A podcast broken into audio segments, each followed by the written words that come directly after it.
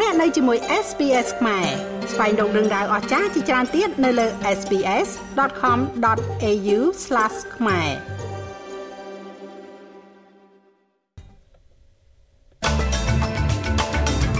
សភាអូស្ត្រាលីបោះឆ្នោតចោតប្រកាន់លោក Scott Morrison ជុំវិញរឿងអាស្រូវតែងតាំងរដ្ឋមន្ត្រីសម្ងាត់ប៉ូលីសរកឃើញសាកសពបរិសម្នាក់ដែលបាត់ខ្លួននៅក្នុងទឹកជំនន់ក្នុងរដ្ឋ New South Wales កាលពីសប្តាហ៍មុន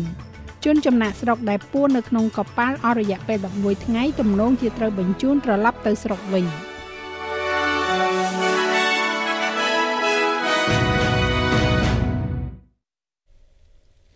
គណៈបក Labor បានដាក់ចេញនូវញត្តិមួយនៅក្នុងសភាដើម្បីចាប់ទោសអតីតនាយករដ្ឋមន្ត្រីលោក Scott Morrison ជំវិញការសម្រេចចិត្តរបស់លោកក្នុងការតែងតាំងខ្លួនឯងដោយសម្ងាត់នៅក្នុងក្រសួងមួយចំនួនក្នុងអំឡុងពេលដែលបកសម្ព័ន្ធដឹកនាំរដ្ឋាភិបាល។ ហើយសភាអូស្ត្រាលីក៏បានបោះឆ្នោតចោទប្រកាន់លោក Scott Morrison ជុំវិញរឿងអាស្រូវនេះដោយការបោះឆ្នោតចុងក្រោយគឺមាន86សម្លេងនៅក្នុងការពេញចិត្តជាមួយនឹងសម្លេងប្រឆាំង50សម្លេងសមាជិកសភាបក Liberal លោកស្រី Bridget Archer បានគ្រប់គ្រងនៅញត្តិនេះទោះបីជាគណៈបករបស់លោកស្រីប្រឆាំងក៏ដោយដោយនិយាយថា វានឹងជាការលាក់ពុតសម្រាប់លោកស្រីដែលមិនធ្វើដូច្នេះដោយសារតែការបន្តលើជំហររបស់លោកស្រីទៅលើភាពស្មោះត្រង់ I do not accept any of the explanations put forward by the former ខ្ញុំមិនទទួលយករាល់ការពន្យល់ណាមួយដែលធ្វើឡើងដោយអតីតនាយករដ្ឋមន្ត្រីចំពោះទង្វើរបស់គាត់នោះទេហើយខ្ញុំមានការខកចិត្តយ៉ាងខ្លាំងចំពោះកង្វះការសំទោសដោយពិតប្រាកដឬក៏សំខាន់ជាងនេះទៅទៀតនោះគឺការយល់ដឹងអំពីផលប៉ះពាល់នៃការសម្រេចចិត្តទាំងនេះខ្ញុំបាននិយាយម្ដងហើយម្ដងទៀតដែលយើងនិយាយជាច្រើនមកហើយនៅក្នុងសភានេះអំពីឯកសិទ្ធិ និងកិត្តិយសដ៏អស្ចារ្យនៃការដែលមានវត្តមាននៅទីនេះប៉ុន្តែយើងមិនសូវបាននិយាយអំពីការទទួលខុសត្រូវដែលភ្ជាប់មកជាមួយនោះទេ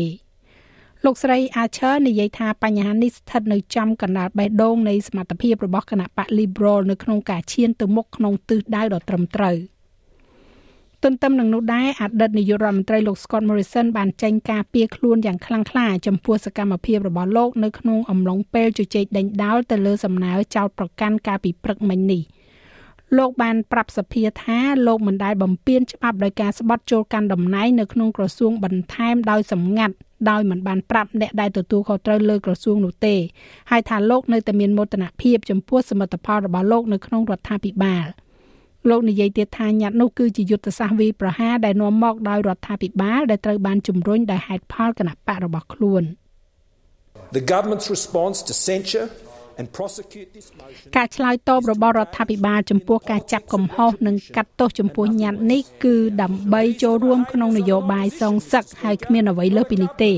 ទាំងនេះគឺជាអកប្បកិរិយារបស់គណៈបកប្រឆាំងលោកប្រធានសភាមិនមែនជារដ្ឋាភិបាលដែលយល់ការគោរពដល់ជ័យជំនះថាគឺជាគុណធម៌នោះទេ លោករដ្ឋមន្ត្រីក្រសួងឧស្សាហកម្មលោកអេតហូស៊ីកមានប្រសាសន៍ថារដ្ឋាភិបាលបដិញ្ញាដោះស្រាយបញ្ហាវិបត្តិធម្មពលនៅពេលដែលខ្លួនជួបជាមួយនឹងសមាភិកីរដ្ឋនិងដែនដីនៅសប្តាហ៍ក្រោយ។លោកហ៊ូស៊ីននិយាយថារដ្ឋាភិបាលកំពុងតែសម្លឹងមើលទៅលើលទ្ធភាពដែលអាចសម្រេចបានរយៈពេលវែងរបស់ក្រុមហ៊ុន តែជាអ្នកប្រើប្រាស់ធម្មពលសំខាន់សំខាន់ ដោយដាក់ឲ្យប្រើប្រាស់ច្បាប់នៅថ្ងៃនេះទៅលើមូលនិធិកសាងជាតិចំនួន15,000លានដុល្លារដែលនឹងកសាងសមត្ថភាពផលិតកម្ម។ប៉ុន្តែលោកហ៊ូស៊ីកក៏និយាយផងដែរថាការពិភាក្សាជាមួយនឹងមេដឹកនាំថ្នាក់រដ្ឋនិងដែនដីនឹងដើរតួនាទីយ៉ាងសំខាន់នៅក្នុងគោលនយោបាយធម្មពលរយៈពេលខ្លីរបស់គណៈបក Labor A lot of the states and territories recognize that រដ្ឋនឹងដែនដីជាច្រើនទទួលស្គាល់ថានេះគឺជាបញ្ហាធំ របៀបដែលថ្លៃធម្មពលកំពុងតែកើនឡើង ពួកគេចង់ធ្វើការជាផ្នែកមួយនៅលើនោះ វានឹងមានទស្សនៈខុសៗគ្នាជាច្រើនខ្ញុំគិតថាវាគឺជារឿងល្អនៅក្នុងលទ្ធិប្រជាធិបតេយ្យដ៏រឹងមាំហើយដែលនោះកើតឡើងហើយយើងនឹងធ្វើតាមរយៈនោះ។ ការលើកឡើងរបស់លោករដ្ឋមន្ត្រីធ្វើឡើងបន្ទាប់ពីមានរបាយការណ៍ដែលថាលោកនាយករដ្ឋមន្ត្រីក្រងនឹងប្រកាសអំពីផែនការកំណត់តម្លៃលក់ដុំនៃអ៊ូស្មានហ្គារយៈពេលដែលការប្រកាសនៅមិនទាន់បានធ្វើឡើងនៅឡើយនោះគេរំពឹងថារដ្ឋាភិបាលនឹងអំពាវនាវឲ្យមានការផ្គត់ផ្គង់អ៊ូស្មាននៅក្នុងស្រុកដែលមានការធានាពីអ្នកផលិតអ៊ូស្មានរួមជាមួយនឹងការអនុវត្តក្រមសីលធម៌ជាកាតព្វកិច្ច ប៉ូលីសនៅរដ្ឋ New South Wales បានរកឃើញសាកសពបុរសម្នាក់ដែលបានបាត់ខ្លួននៅក្នុងទឹកជំនន់នៅភូមិនិរដីនៃរដ្ឋនេះកាលពីសប្តាហ៍មុនសាកសពដែលគេជឿថាជាក្មេងប្រុសអាយុ19ឆ្នាំដែលបានបាត់ខ្លួននោះត្រូវបានគេរកឃើញនៅ Baranal ក្នុងតំបន់ Riverina របស់រដ្ឋនេះ។ ការចុះស្វែងរកចម្រុះមួយត្រូវបានចាប់ផ្ដើមឡើងកាលពីថ្ងៃសៅរ៍បន្ទាប់ពីមានសេចក្តីរាយការណ៍មកថាបរិសម្នាក់ហែលនៅក្នុងទឹកជំនន់ហើយក៏បានលិចទៅក្រោមទឹកហើយមិនអាចងើបមកវិញបាន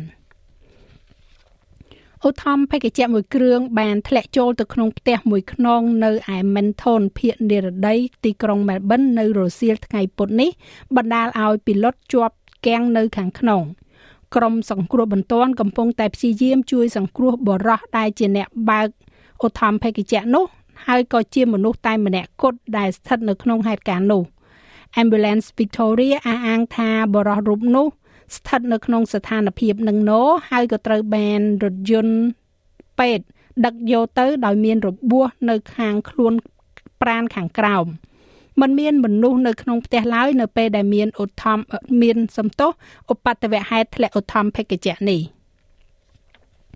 ប្រទេសឥណ្ឌាបានផ្ដល់ភ្លើងខៀវនៅខាងផ្នែករបស់ខ្លួននៃកិច្ចព្រមព្រៀងពាណិជ្ជកម្មសេរីថ្មីជាមួយនឹងអូស្ត្រាលី ដោយរៀបចំឲ្យកិច្ចព្រមព្រៀងនេះចូលជាធរមាននៅដើមឆ្នាំក្រោយ។ សភាអូស្ត្រាលីបានអនុម័តកិច្ចព្រមព្រៀងពាណិជ្ជកម្មសេរីជាមួយនឹងឥណ្ឌានិងចក្រភពអង់គ្លេសកាលពីសប្តាហ៍មុនប៉ុន្តែវាចាំបាច់ត្រូវឆ្លងកាត់ដំណើរការនៅក្នុងស្រុករៀងរៀងខ្លួននៅមុនពេលចូលជាធរមានគណៈរដ្ឋមន្ត្រីឥណ្ឌាឥឡូវនេះបានអនុម័តកិច្ចព្រមព្រៀងនេះហើយកិច្ចព្រមព្រៀងនេះមានន័យថានឹងមានការដកចេញការយកពន្ធទៅលើទំនិញអូស្ត្រាលី90%ដែលនាំចេញទៅកាន់ប្រទេសឥណ្ឌារួមមានសាច់រោមចៀមកបាសអាហារសមុទ្រ គ្រាប់ធញ្ញជាតិនិងផ្លែប័រអាញាធរអេស្ប៉ាញបាននិយាយថាជនចំណាក់ស្រុក3នាក់ដែលបានចំណាយពេល11ថ្ងៃពួននៅក្នុងកប៉ាល់អំឡុងពេលធ្វើដំណើរតាមសមុទ្រនោះត្រូវតែត្រឡប់ទៅផ្ទះវិញបរិះទាំង3នាក់នេះបានទទួលការព្យាបាលរោគខាសជាតិទឹកនិងខ្វះកម្ដៅបន្ទាប់ពីបានលាក់ខ្លួននៅក្នុងស្លាបចាក់កប៉ាល់ដឹកប្រេង Alitini 2ដែលមានប្រវែង183ម៉ែត្រនៅក្នុងការធ្វើដំណើរពីទីក្រុង Lagos ក្នុងប្រទេស Nigeria ទៅកាន់កោះ Canary Island ទីប្រឹក្សាអន្តោប្រវេសន៍សម្រាប់រដ្ឋាភិបាលនៅក្នុងតំបន់កោះ Canary លោក Sima Santana និយាយថាវាអាស្រ័យទៅលើប្រតិបត្តិការរបស់កប៉ាល់នៅក្នុងការទទួលខុសត្រូវលើអ្នកដែលលួចជិះនៅក្នុងកប៉ាល់នោះ Los polizones no son algo novedoso en la historia de la navegación ច្បាប់នៅក្នុងករណីនេះបង្ហាញថានីតិវិធីព្រំដែននឹងត្រូវអនុវត្តចំពោះមនុស្សទាំងនេះហើយម្ចាស់កប៉ាល់នោះក៏ត្រូវទទួលខុសត្រូវចំពោះការបញ្ជូនមនុស្សទាំងនេះទៅចំណុចដើមវិញគឺពីកន្លែងដែលកប៉ាល់បានចាក់ចេញមកប្រសិនបើពួកគេមិនបានដាក់ពាក្យសុំការការពារអន្តរជាតិឬក៏ប្រសិនបើពួកគេមិនមានការលើកលែងផ្នែកសុខភាពទេនោះ។ កប៉ាល់ដែលកំពុងតែបើកនៅក្រោមទង់ជាតិម៉ាល់តានេះគឺជាកម្មសិទ្ធិរបស់ Gardenia Ship Trade SA និងគ្រប់គ្រងដោយ Astra Ship Management ដែលមានមូលដ្ឋាននៅទីក្រុងអាថាន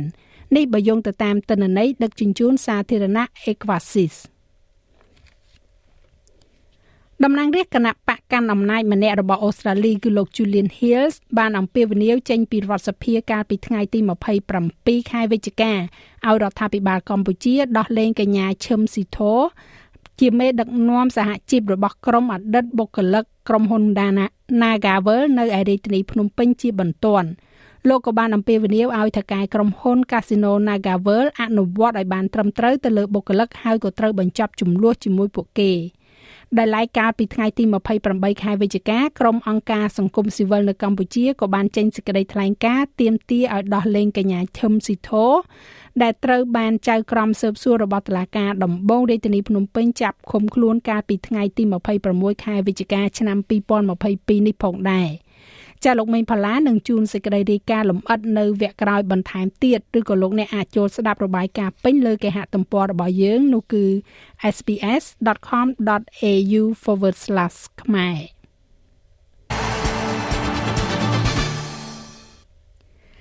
នៅក្នុងការប្រកួតកីឡាបាល់ទាត់ក្រុមអាមេរិកបានយកឈ្នះអ៊ីរ៉ង់នៅក្នុងការប្រកួតដែលមានការចោទប្រកាន់ខាងនយោបាយនៅ World Cup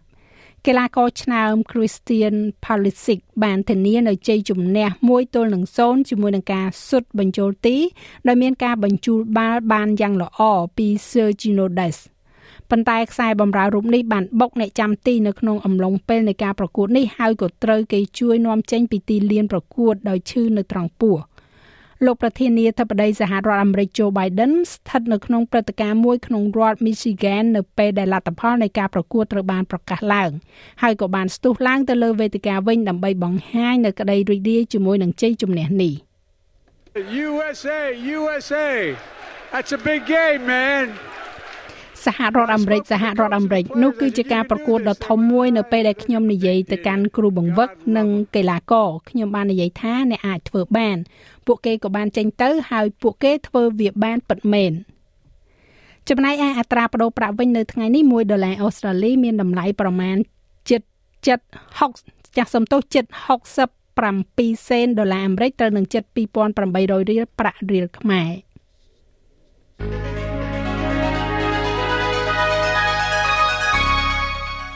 ឥឡូវយើងក៏លេខមកមើលការព្យាករណ៍អាកាសធាតុសម្រាប់ថ្ងៃប្រហ័សស្អែកនេះវិញ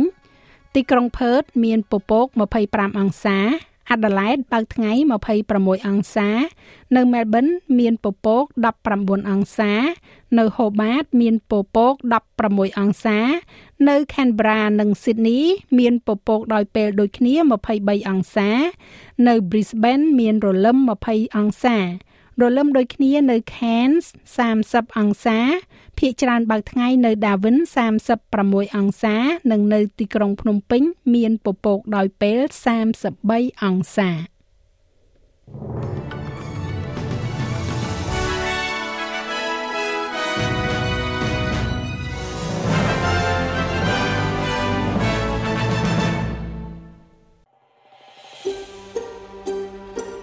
ចង់ស្ដាប់រឿងរ៉ាវបែបនេះបន្ថែមទៀតទេ ស្ដាប់នៅលើ Apple Podcast Google Podcast Spotify ឬកម្មវិធីដទៃទៀតដែលលោកអ្នកមាន។